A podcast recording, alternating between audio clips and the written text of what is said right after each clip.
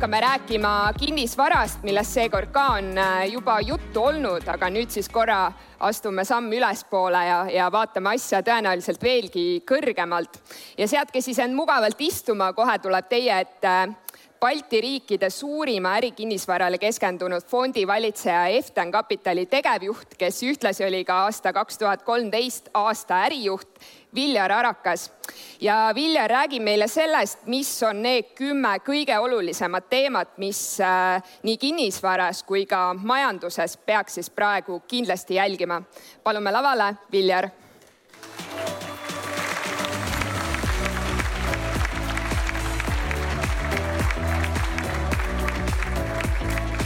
tere, tere! Ma olen kuskil filmis näinud, et äh, kui tuleb lavale mingi ebameeldiv esitaja, siis keegi kuskilt võtab voolu välja, et, et äh, ma ei tea, ju ma peaks siit mingi järelduse tegema. Äh, minu nimi Viljar Arakas, väga meeldiv teid siin näha ja kas tõesti, tõesti kolmkümmend kraadi õues vesi on olemas ja teid huvitab kinnisvara, jah? hämmastav mind, mind mitte nii palju, aga ma katsun siiski teile seda, seda oma, oma vaadet siis pakkuda. Muidugi ma tunnen ennast siin teie ees natuke alasti, sest ma olen alati harjunud, et mul on mingi PowerPoint selja taga, et kui sul ei ole slaide, siis sul ei ole power'it ega pointi. sest sellel ajal on alati võimalik ennast targemana näidata, kui sa tegelikult oled. aga ma siis äh, katsun teile siis midagi nagu rääkida, muidugi tegelikult tahaks öelda nagu Arnold Rüütel kunagi ütles, et teid küll huvitab kinnisvara, aga mind huvitab hoopis muu ja siis ma räägiks teile järgmised nelikümmend viis minutit hea meelega golfist. aga, aga okei okay,, püsime siis lainel ja hakkame siis kuskilt peale. Äh, kümme teemat, tegelikult ei ole mingit kümmet teemat. Äh, Äripäev saatis mulle selle kutse jaanuaris, ma just vaatasin eile järgi, millal Juhan mulle kirjutas, oli jaanuaris. me olime just siis välja nii-öelda kirjutanud äh, Eftenis äh, oma nii-öelda mõtted selle aasta kohta. meil on selline komme, et me aasta lõpus vaidleme korra maailmapildi läbi äh, oma meeskonna keskselt, see tähendab seda, et mina katsun rääkida ja ma ei salli kunagi, kui keegi midagi vastu väidab. Ja siis me tuleme välja siis nii-öelda oma house view'ga, eks ja, ja siis me tegime seda ka see aasta ja selle pealt siis, äh, seal oli meil kümme teemat, aga nendest teemadest on järgi jäänud ainult üks ja lisandunud on teine. järgi on jäänud ainuke asi, mis maailmas praegu majanduses on oluline, on inflatsioon ja ainuke asi, mis meie regioonis on oluline, on sõda. kõik ülejäänud on täiesti ebaoluline see defi-, defineerib kõike, kõike seda, kus me teiega oleme. inflatsioonist, kui rääkida, siis äh, äh, viimased kümme aastat keskpangad trükkisid järjest raha, nullinflatsiooni või noh, sisuliselt inflatsiooni kogu all, kogu aeg alla kahe protsendi eesmärgi. ja nüüd pani nagu no nii-öelda sai kose tagant või sai siis selle tammi tagant sai see kosk lahti ja kogu see inflatsioon läks nagu lendu. ma olen mõelnud, miks ta nii oli. See kümme aastat öeldi arenenud maailma kohta kahte asja, et esiteks äh, vananev ühiskond, noh, see on majanduskasvu ootamine. Vananevas ühiskonnas on juba meditsiiniliselt võimatu, eks. näiteks, ma ei tea, tarbetu fakt, aga mulle väga meeldib, et äh, juba kümme aastat müüakse Jaapanis rohkem täiskasvanute mähkmeid kui laste omasi. et ma arvan, et tegelikult Euroopa on sinnapoole teel, Jaapani trendid näitavad, kuhu, kuhu Euroopa liigub teine asi on see, et kogu online kaubandus, et ennem kui tahtsid ketse saada, pidid minema linna äh, siis ketsipoodi, eks, aga nüüd sul on kogu maailma kõik etsipoed on ju, on Google'i või Amazoni vahendusel sul kohe, kohe ekraanil, et see hoidis hinda all. ja, ja kolmas oli muidugi siis kõik see, et tootmise väljaviimine ja öö, odavamates riikides tootmine ja nii edasi. nüüd, mis juhtus? Covid tuli. Ütlen ausalt, kui see kolmteist märts oli vist kaks tuhat kakskümmend, kui Eestis kuulutati eriolukord välja kurat, ma ütlen ausalt, ka mul oli niisugune tunne, et nüüd tuleb mingisugune tohutu jama. Ja me kõik mäletame, kaks kuud läks mööda, mitte midagi tegelikult ei juhtunud. juhtus väga valitud sektorites, meile Radissoni hotell paugu pealt tühjaks, tegime selle uueks nüüd, juhtus Tallinkil, juhtus äh, lennufirmadel ja, ja juhtus teatud sektorites, aga majanduses tervikpildina ei juhtunud, aga mis, mida jõuti vahepeal ära teha, oli see, et kõik riigid hakkasid raha nii-öelda majandusse tagasi lüppama. Euroopa Keskpank või tähendab, Euroopa Komisjon tegi esimese ühise võlakirjaemissiooni selleks siis, et äh, selle nimi oli taasterahastu, on ju. et tegelikult meil tekkis äkitselt maailmas pakkumispoole šokk. nõudlus tegelikult ära ei kadunud ja siis valitsused panid nõudlusesse veel duublisse, on ju, või võtsid selle pigem ruutu. ja loomulikult siis pidigi hakkama hinnad, hinnad pidid hakkama kasvama nüüd, mis juhtus ener-, energiaga praegu, noh, seda me kõik teame ja ma arvan, et see saadab meid ka terve selle aasta, aga noh, selge on see, et inflatsioon nüüd hakkab alla tulema, kuna lihtsalt baasefekt hakkab meil selle aasta septembrist äh, üles, hakkab tekkima baasefekt, see tähendab, et, et eelmise aasta hinnatase on sedavõrd palju kõrgem. aga teate, mis on, mis asi on inflatsioon? teate, mis asi on inflatsioon? see on tarbijahinnaindeks. rõhk on sõnal tarbija, eks Äh, muidugi alati, nüüd ma pean jälle selle alati ära tsiteerima, mulle see kohutavalt meeldib, Economistis kunagi leitud tõde statistika kohta, eks äh, et statistika on nagu bikiinid, et see, mis ta vaadata pakub, on kujundlik ja täpne, kuid see, mis ta varjab, on veel olulisem äh, ja seesama, see, see on Briti number üks majandusajakirjast Economist võetud tsitaat, et seda, see ei ole, ma ei ole seda kuskilt mujalt lugenud, ma teile kinnitan seda. et see tegelikult sobib praegu väga hästi, sest äh, tarbijahinnaindeksit on võimalik natuke manipuleerida. on võimalik seda manipuleerida niimoodi, et sügisel tarbijad saavad vähe väiksema elektriarve. ja seda, ma arvan, hakkavad ka riigid tegema, eriti meie riik, kes meil järgmine aasta peame minema märtsi alguses valimiskastide juurde, siis kindlasti tänased võimulolijad ei taha, et me seda meelepaha seal valimiskasti ääres siis äh, või e-valimistel seda väljendaks, eks.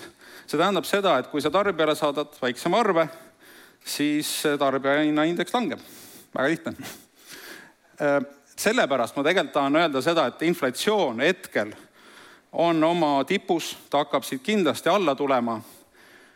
kas äh, nüüd järgmine küsimus on intressimäärad, mis sellest on nii-öelda äh, funktsioon inflatsioonist me oleme Eftenis otsustanud, et me ei fiksi ühtegi intressi, seda kahel põhjusel, esiteks me oleme laisad või laisad, me jäime hiljaks me oleks pidanud seda tegema umbes kaks aastat tagasi, praegu, äh, praegu nagu äh, seda intressi fikseerida on umbes sama tark otsus, kui oli kaks tuhat seitse aastal korter osta, eks. turu tipus, sa tead, kohe hakkab siit alla see äh, inflatsioonimäär tulema, intressi hakatakse alla tõmbama minu sügav veendumus kogu selles maailmapildi juures on praegu see, et me näeme ära kõige tumedama hetke majanduses selle aasta kolmanda-neljanda kvartali vahetumise hetkel, pigem neljandas kvartalis, kui see talvekaomus meile siia peale tuleb. aga järgmisel aastal kogu Euroopa majandus satub sellise surutuse alla, et mida peab keskpank tegema? odavat raha pakkuma, eks ja selle odava raha pakkuja ei saa olla või selle nii-öelda tingi, tingija sealt on tegelikult ainult üks riik ja see on Itaalia. Eurot, Euroopa Liit on rahuprojekt.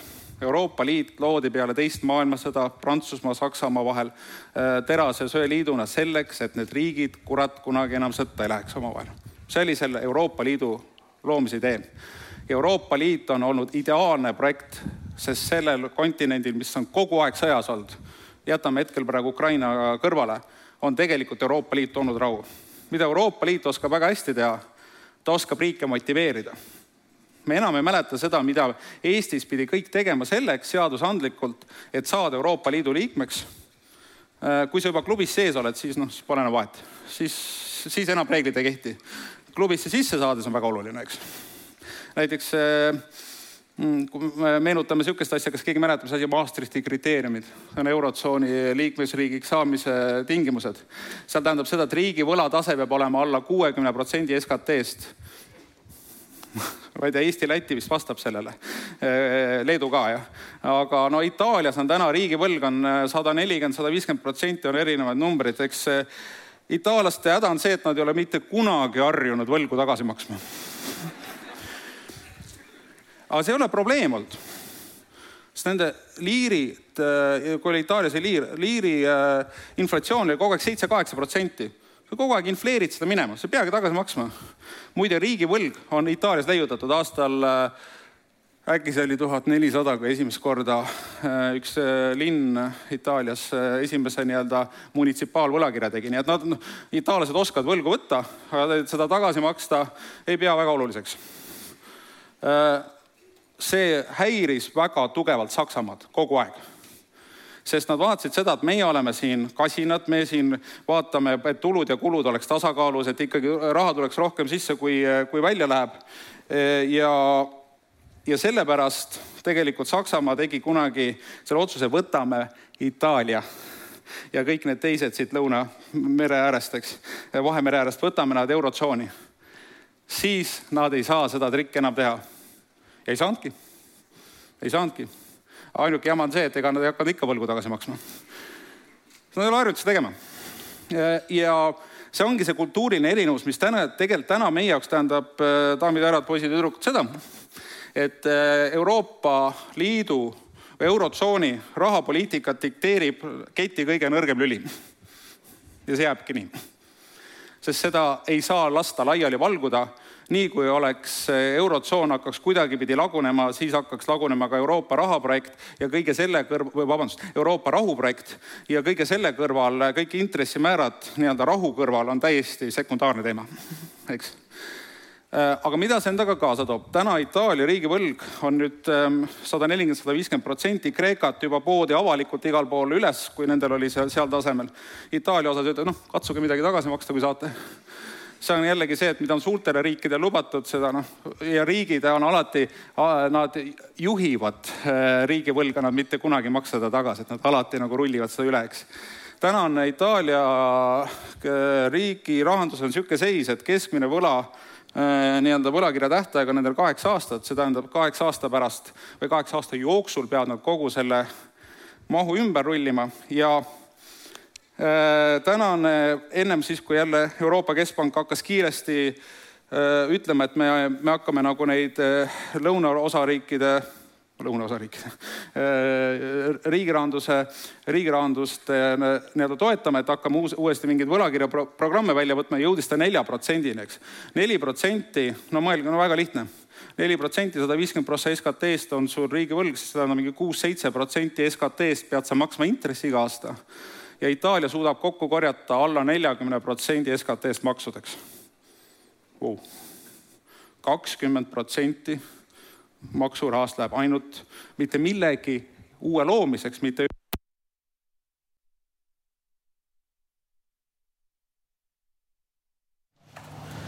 nüüd võiks siin olla minu kõrval Peeter Koppel, kes peaks teile sütitama loengu, kui halb see kõik on ja tal on täiesti õigus, aga see on kahjuks paratamatu, te sinna see läheb. Et selles suhtes, mida ma teile öelda tahan, on see, et me oleme praegu selle pingete tipus, mis puudutab inflatsiooni, mis puudutab intressimäärasid aga see kõik hakkab järgmine aasta äh, alanema, see on niisugune minu selline esoteeriline äh, kokkuvõte olukorrast, millele meie nagu panustame. nüüd oleks küsitud, kuidas see meid puudutab, eks. no kinnisvaras ma arvan, öelge, mis on täna kinnisvara kasvuvõimalused, ma, ma võin teile loetleda väga palju nii-öelda potentsiaalseid riske, nagu fondijuht peabki tegema, aga kasvuväljavaated ei ole kõige paremad millega ollakse harjutud, äh, ollakse harjutud elu äh, kinnisvaras sellega, et iga hinna kallinemine, mis on ehitusest tulenev, ta suudab selle anda edasi meile. aga see enam nii ei ole. see enam nii ei saa lihtsalt olla. sest kui meil hinnad ehituses on hüpanud äh, Covid ajast umbes kakskümmend protsenti peale Ukrainat jälle kakskümmend protsenti, sa ei suuda seda enam edasi. nüüd, kui te küsite, mis asi on ehitushind, mul üks kunagi üks hea ehitusettevõtja sõber ütles niimoodi, et see on et palju üks ruutmeeter maksab, umbes sama tark küsimus, et kui küsid automüüja käest, palju maksab punane auto. ma ei tea, ütle, mis marki sa tahad või, või mis mootor peaks olema või mis sisu võiks olla. peaks veel kakskümmend küsimust küsima, siis me võiks öelda, palju maksab punane auto.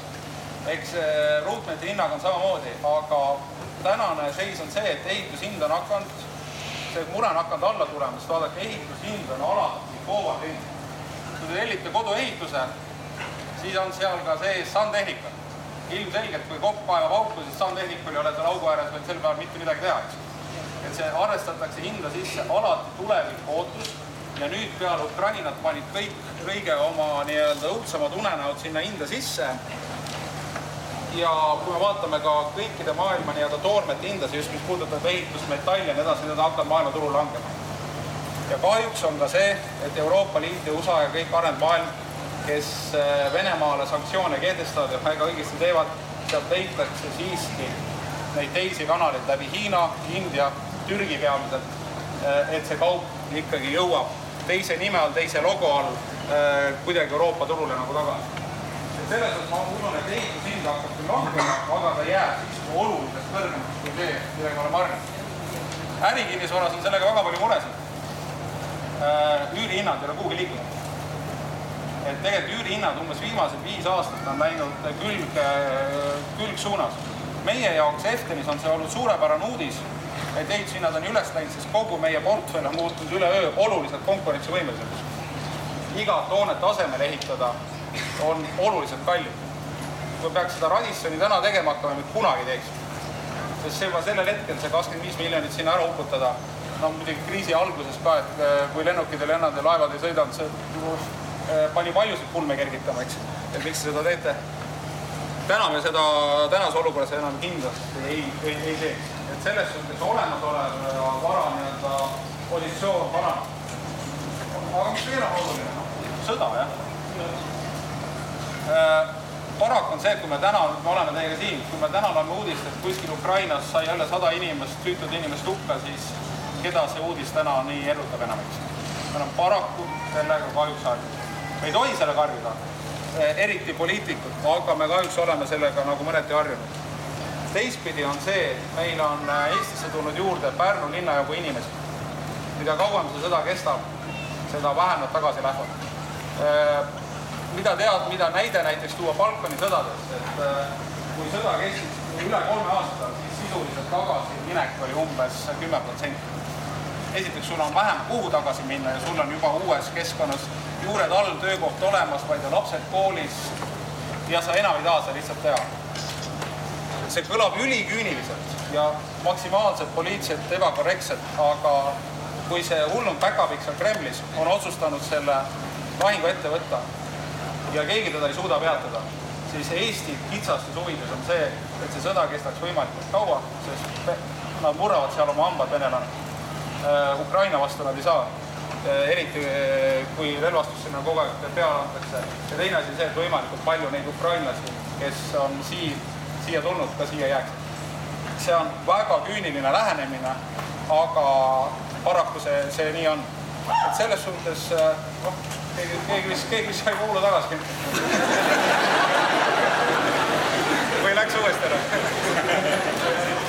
et, et ja, ja ütleme niikaua, kui Financial Timesis ja Bloombergis ja Economistis arutatakse seda, et kas äkki Putin ründab Leedut, et Kaliningradi äh, Kaliningradis on äh, transiidi osas on Leedu otsustanud täitsa üllatuslikult jälgida Euroopa Liidu sanktsioone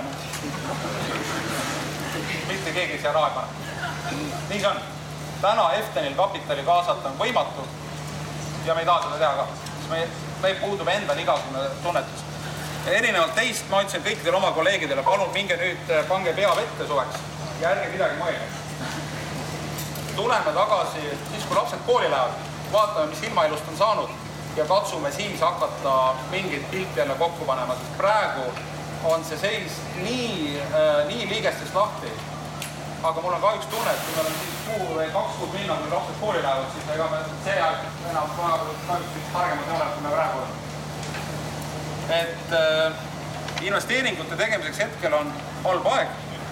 ma arvan, et ma ei usu, et meid ootab ees tohutu kinnisvarakolakud, et ja, ja ärge arvake, et ma olen nüüd siin see äh, kinnisvaramaakler, kes alati ütleb, et iga aeg on hea osta, onju. ma ei ole kunagi näinud ühtegi maaklerit, kes ütleks, täna on halb aeg osta iga maakler, panin ette ütles seda kaks tuhat seitse, kaks tuhat üheksa, mis ta oli kõik. aga, aga ühesõnaga alati on hea hetk osta, eks. ma päris sellesse klubisse ei kuulu. ma lihtsalt äh, arvan, et mõningane tagasilöök peab tulema. teistpidi äh, meie kinnisvara, meie laenutingimused on olnud sedavõrd palju karmid heastatud, et tegelikult siit ei saa mingit olulist korraldust tulla. sellel põhjusel, et äh, näiteks pangad peavad tegema iga laenuvõtjaga stressitesti et võetakse teie sissetulek ja arvestatakse laenu tagasimakse tingimusel, kus Euribor või tähendab intress on kuus. ja kuidas siis hakkama saada. see on see, mida Eesti Pank nõuab, seda kõik pangad jälgivad. ma olen ise ka Coop Panga nõukogus, ma näen seda, kuidas panga sisekorda seda tehakse ja seda igal pool ka täpselt nii jälgitakse.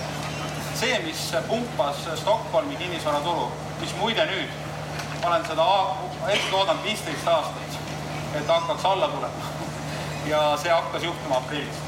aprillist on hakanud Stockholmis kinnisvarahindade tase langema. seal on lastud lihtsalt see turg käest läbi selle, et seal ei maksa keegi praegu laenu põhiosa tagasi. võtad laenu, sa maksad ainult intressi. et seda meil keelati ära ja sellepärast ma arvan, et mingit suurt-suurt tagasirööki tulla ei saa. kuulge, aga mul ei ole väga palju aega vist jäänud, häält, häält veel vähem on ju. aga teeks niimoodi, et palun pange mind proovile.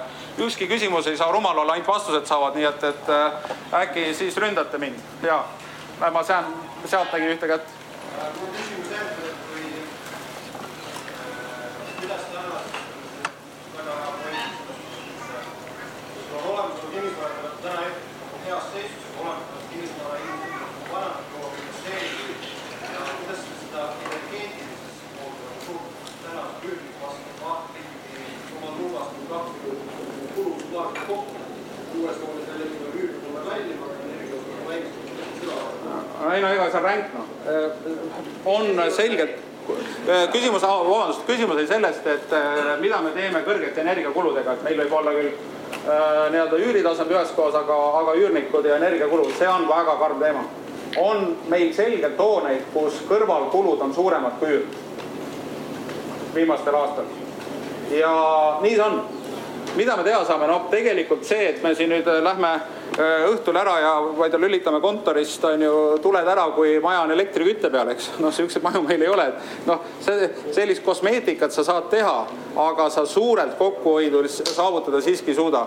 loomulikult kõik Eesti need äh, targad, intelligentsed lahendused hoonete juhtimiseks sul on kolm kohta, küte, vent ja, äh, ja jahutus. Äh, kus sa saad seda nii-öelda selle targa juhtimisega hakata kokku keerama, see, et mingid tuled äh, kustuvad, sütivad, see on ka oluline, aga sealt sa väga palju kokku ei hoia. et tegelikult me oleme selle kõik ära teinud, aga see, mida sa teha saad, on umbes viisteist protsenti. Meie näitel olen vaadanud, et see, mis ta ennem oli, peale neid lahendusi, mis me peale pannud, ja selle me saame teha. aga see, kui on Nord Pooli hind on äh, kümme korda kõrgemal, kui ta oli äh, viis aastat tagasi, no seal, see oleks sama hea, kui me küsiks praegu, et kuidas me saame õues temperatuuri miinus kümne peale, eks. me ei suuda seda muuta, aga me peame tegema kõik, mis meist sõltub.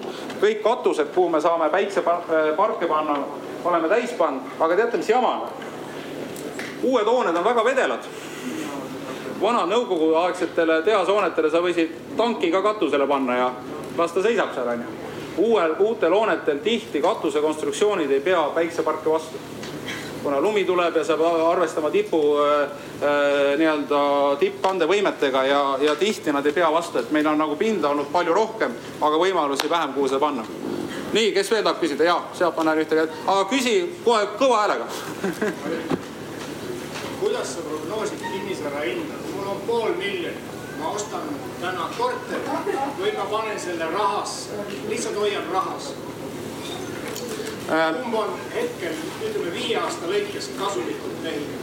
viie aasta lõikes on kasulik osta korter ja korter on kasulik osta umbes pooleteist aasta pärast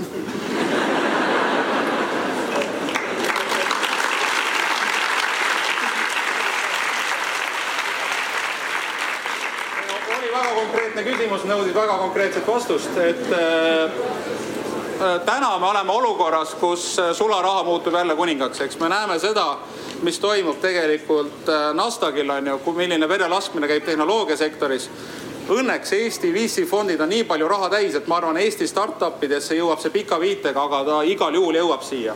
ma mäletan seda ka, et aastal kaks tuhat kuus, kui USA kinnisvaraturg hakkas juba kõhtu ülespoole keerama, siis me Euroopas olime, oh see on USA jama ja see, mis asja, ei juhtu mitte midagi meiega.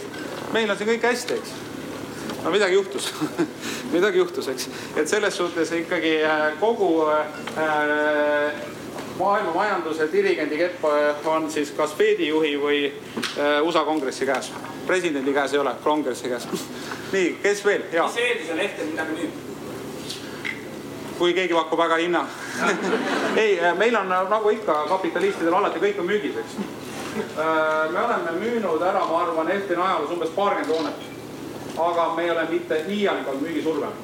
aga need on väiksuse poolest, eks ju, need on liiga väiksed. ma arvan, mingi paarkümmend milli ja noh, üks objekt ja ei no ikka on ka mingeid suuremaid olnud. aga mis eeldus on siis? eeldus on lihtsalt see, et me oleme vaadanud, et me ei tahaks portfellis seda vara pikalt omada aga me ei ole mitte kunagi, üks asi, mida ma Efteni juhina teen, on see, et ma ei pane ennast kunagi müügisurve alla, me võime müüa, me iialgi ei pea müüma. ja tingimus konkreetne? tingimus või? Äh, meil on kinnisvara hinnatud bilansis äh, ja reeglina hinnatud hästi konservatiivselt, kui ma vaatan konkurente. Äh, me tahame saada selget bilansilise väärtuse vastu preemiat. on ta kümme, viisteist, kakskümmend protsenti, see oleneb. Aga tihti need ostjad on olnud, noh, see on selgelt olnud, vaata üks pool tehingust tahab alati tehingut natuke rohkem kui, kui teine. Ja need on olnud need olukorrad, kus ostja on tahtnud rohkem osta kui meie müüja, aga meil ei ole müügi vastu midagi olnud. On muidugi, no väga raske on see, sõbrad, väga raske vaata kinnisvaraga, sul tekib see kodusoojuselement on ju. Äh, see, et vaata, oi, ma ikka selle maja ehitasin, jah, siis ma ikka valisin siia ise seda, ma ei tea, mingisugust graniitplaati või nii edasi, tekib selline emotsionaalne side, seda ei tohi lasta juhtuda. paraku mul see mõne hoonega on, et ma arvan, hotellpalassi oleks mul emotsionaalselt väga raske müüa.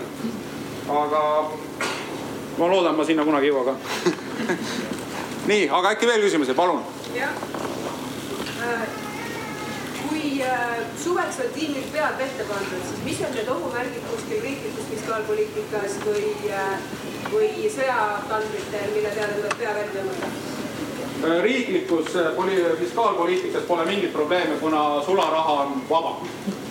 esiteks seda tegi Helir-Valdor Seeder selle vabaks, aga ei, see tähendab seda, et riik saab äh, riik saab äh, laenata nii odavalt, kui ta veel tahab ja tänu Itaalia, nagu see pikk see esoteeriline jutt, mis ma enne rääkisin, saab lõpmatult laenata tegelikult, kas lõpmatult, loomulikult väikseid riike ikkagi äh, nii-öelda samadel tingimustel karistatakse loomulikult äh, rohkem kui suuri maaelu, eks.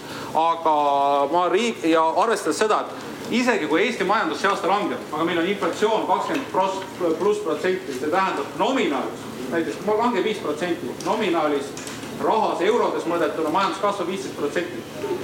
Riik korjab, vaadake, minge tankige autot, vaadake, palju riik sealt kohe endale korjab, eks äh,. igalt poolt on ju, riigil läheb täna väga hästi, annab paremini kui riigi inimestel, eks. et selles suhtes riigi pärast mina ei muretseks. ma muretseks nagu inimeste pärast sõja osas, sõja osas on äh, nagu see, et üks asi, mille üle ma olen siiralt uhke, on see, mida Eesti on teinud. Ukraina sõda meie sõda Äh, kaitseväe juht Martin Herem ütles väga hästi, et iga Eesti Javelin, mis võtab maha Vene tangi, on sihipäraselt kasutatud. kas see on, olgu see siis täna Ukrainas ja selles, aga, aga siin midagi nüüd targa näoga hakata siin habet sügama teie ja midagi prognoosima on minu arust mõttetu. aga tunne on see, et see asi kestab väga pikalt ja sellega lihtsalt tuleb harjuda nii, nii inimlikult õudne see ka ei ole, aga mida me Eestina täna siin teha saame? teine asi muidugi, mida see on kaasa toonud, on see, Euroopa Liidu ideoloogiline kese on liikunud läänest itta. Euroopa Liitu täna juhivad Poola, Balti riigid ideoloogiliselt. Saksamaa on täielikus minu arust äh, ideoloogilises pankrotis tänu Merkeli pärandusele. kujutage ette, meil on Euroopas rohepööre, Saksamaa ütleb, paneme söejaamad tööle. ja panime tuumaenergia kinni noh et noh, et see on nagu täitsa kujuteldamatu ja, ja kahjuks ka meie siis äh, suursugune Jupiter ehk Macron äh,. Prantsusmaa on muidugi vaata, Prantsuse presidentuur on selles suhtes, seda peab hoolega jälgima. Prantsuse presidendil on arenenud maailmas kõige suurem üksikisiku võim. ta väga vähe peab parlamendiga kooskõlastama, eriti mis puudutab julgeoleku ja kaitsepoliitikat aga ta ikkagi peab ja kuna Macron kaotas parlamendis enamuse, siis ta peab siiski sellega ka nagu arvestama. okei okay,, äkki veel midagi? ja, küsi jälle kõva häälega. Ja saab ikka äh,. mis on võib-olla teie kõige sihuke halvem tehing või, ja mis on see õppetund, mis siis sealt välja andis võtta, et kui see tehing rappa läks või kas seal oli ka mingeid märke juba eelnevalt, oleks saanud hinnata seda, kuidas võib-olla riski maandada selle puhul Äh, kunagi, kui me Ehteni asutasime, siis meie üks asutaja Olari Taal ütles meile, nii et no poisid, ärge nüüd arvake, et te nüüd nagu mingit, mingit asja siin nagu kraavi ei keera. mingi oma ikka korraldate, eks. viisteist aastat on möödas ja ei ole korraldanud. üks asi läks halvasti. Äh, me ostsime Jelgavas ühe maatüki, kuhu me pidime ehitama depopoe aga selgus, et see oli Läti kõige, see oli planeering, kõik oli olemas, oli Läti kõige uhkema juugendlossi äh, ümbr-, kõrval ja siis kogu Jelgava linn võttis kätest kinni, ütles seda poodi siia ei tule ja, seda poodi sinna ei ole tulnud. aga see maa meil on siiamaani alles. ja me maa ostsime väga hinnaga, et see on ainuke projekt Efteni äh, ajaloos, mis äh, on läinud, mis ei ole läinud nii, nagu ma oleks tahtnud. muidugi, eks me oleme siin-seal ikka komistanud, aga, aga no ütleme mitte midagi suurt ja, ja milles see lihtsalt on juhtunud, on see, et ma tunnen, ma olen täna nelikümmend kolm ja ma olen juba liiga vananenud ja minu kaasfondijuht äh, Tõnu Uustalu, noh, see on, asi on päris hull, ta on juba nelikümmend viis. ja siis, kui meile saadetakse mingeid äh, äh, nii-öelda uusi projekte, siis me vaatame Tõnu Uustalu, see läheb kindlalt ei õnnestu, noh, siin on see jaama, see, absoluutselt seda ei ole võimalik teha, onju. pärast vaatad maja linnast püsti, üürnikke täis. mõtleme, et äkki me oleme liiga konservatiivsed, aga vaadake mida ma olen fondijuhina tähele pannud ja, ja mul on häbi seda tunnistada, ma oma rahaga teen otsuseid oluliselt lõdvamalt. vaata, mingi aktsia meeldib, ostan.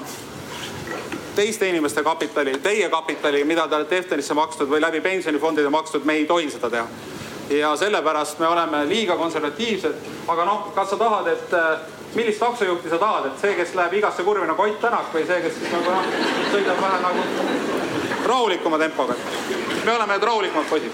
okei okay,, küsige veel.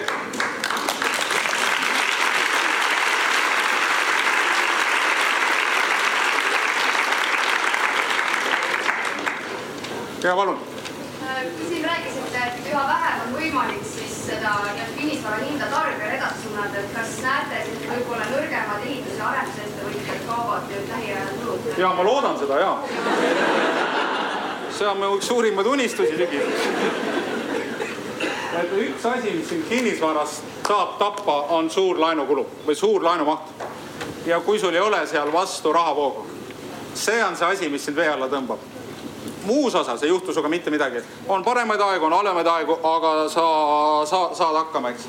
et tõsi, tõsi on see, et kui ma nagu tegelikult me loobusime nii-öelda vaimses mõttes, ma viskasin juba rätiku ringi eelmise aasta sügisel, ma vaatasin, olles olnud kinnisvaraäris nii kaua see kõik, mida ma eelmine aasta lõpus nägin, oli nii kaks tuhat seitse minu jaoks. noh, olukord teine, majandus teine, kõik argumendid väga palju teised, aga see lihtsalt see hõng, on ju, oli nii kaks tuhat seitse jälle mõtlesin, et noh, parem ärme tee hetkel mitte midagi, istume käte peal. ja et midagi peab siin nagu juhtuma, see muidugi, mis Ukrainas juhtus, noh jah, see kahjuks seda, sellega ei osanud arvestada ja, ja ega ei tahtnudki arvestada, no sa ei arvesta, et hakkab sõda. Et, et noh, see on täpselt samamoodi, et kuidas te arvestate, üks, üks välisinvestor meie käest küsis, et kuidas te arvestasite Ukra-, Ukraina sõjaga ma ei tea, noh, küsi Liibanoni selle kohviku pidajalt, kuidas ta arvestas sellega, kui sealt sadamas ammoniaagi see terminal õhku lendas ja kogu linna maha võttis. Seal on mingeid asju, millega sa ei arvesta, no et ma ei tea, et homme lastakse Eestile taktikaline tuumarelv, mis paneme stsenaarium kakskümmend protsenti või? et kuhu, kuhu kukub või? no et vaata, noh, mingid küsimused äh,, mingid küsimused ikkagi on rumalad tõesti et no mitte, mitte, mitte, et see küsimus oleks rumal. aga ja, et ühesõnaga ma loodan küll, et äh, nagu praegu oleks meil Eestis vähe äikest vaja, seda äikest nagu kinnisvaraturule vaja. Et ma loodan ikka, et mõned keeravad kõhu ülespoole. nii, veel palun, ja sealt tagant ma näen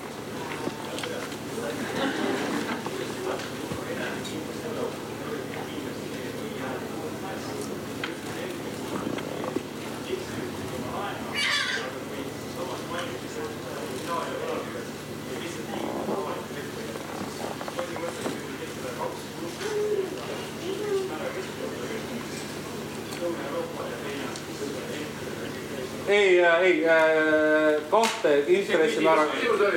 ma, ma, ma arvan, ma vist kuulsin seda küsimust küsimus oli see, et äh, miks me miks me arvame seda, et, et ei teki Euroopas kahte intressimäära keskkonda, üks on ja miks me arvame, et Euribor ei või nii palju kõrgemale tõusta, sinna püsivalt jääda. ma lihtsalt arvan, et Euroopa majandus on niivõrd pude, niivõrd nõrk, et ta ei kannata seda inflatsiooni välja. kümme aastat tagasi juulis ütles Mario Draghi, we will do whatever it takes, et eurot koos hoida, no kõik mäletate seda, eks, see lahendas üleöö Euroopa Liidu või Eurotsooni võla probleemi, mitte midagi see lahendas. kümme aastat püüti seda jama lihtsalt vaiba alla ja see kuhi läks järjest suuremaks, onju. kui te vaatate võlataset, mis on Euroopas üles kerinud, siis see lihtsalt niivõrd suur, et see on nagu noh, ma peaks ise viis kilo alla võtma, aga, aga see nagu liigne kehakaal, on ju, sa noh, selle liigutamiseks sa ei saa lihtsalt äh, suur, kõrget intressitaset lubada. et mida ma tahan öelda, et kui Euribor oleks täna neli protsenti, see tõmbaks Euroopa majanduse totaalselt vee alla. küsimus ei ole Eestis küsimus on kogu Eurotsoonis kokku. et sellepärast ma arvan, et see inflatsiooni või tähendab intressimäärade tuleviku ootused hetkel reageerivad tugevalt üle. see on minu arvamus Äh, mis ei pretendeeri absoluutsele tõele. nii, kes äkki veel või kuidas mul ajaga, ah see, see töötab või? sa modelleerid nii hästi ennast, et noh, võtad vaataja. okei okay., ma ei tea, see ütleb, et null null, et ma pean lihtsalt ära minema siis jah. ma just hakkab nagu jah, tore tekib jah. kas üks veel jah?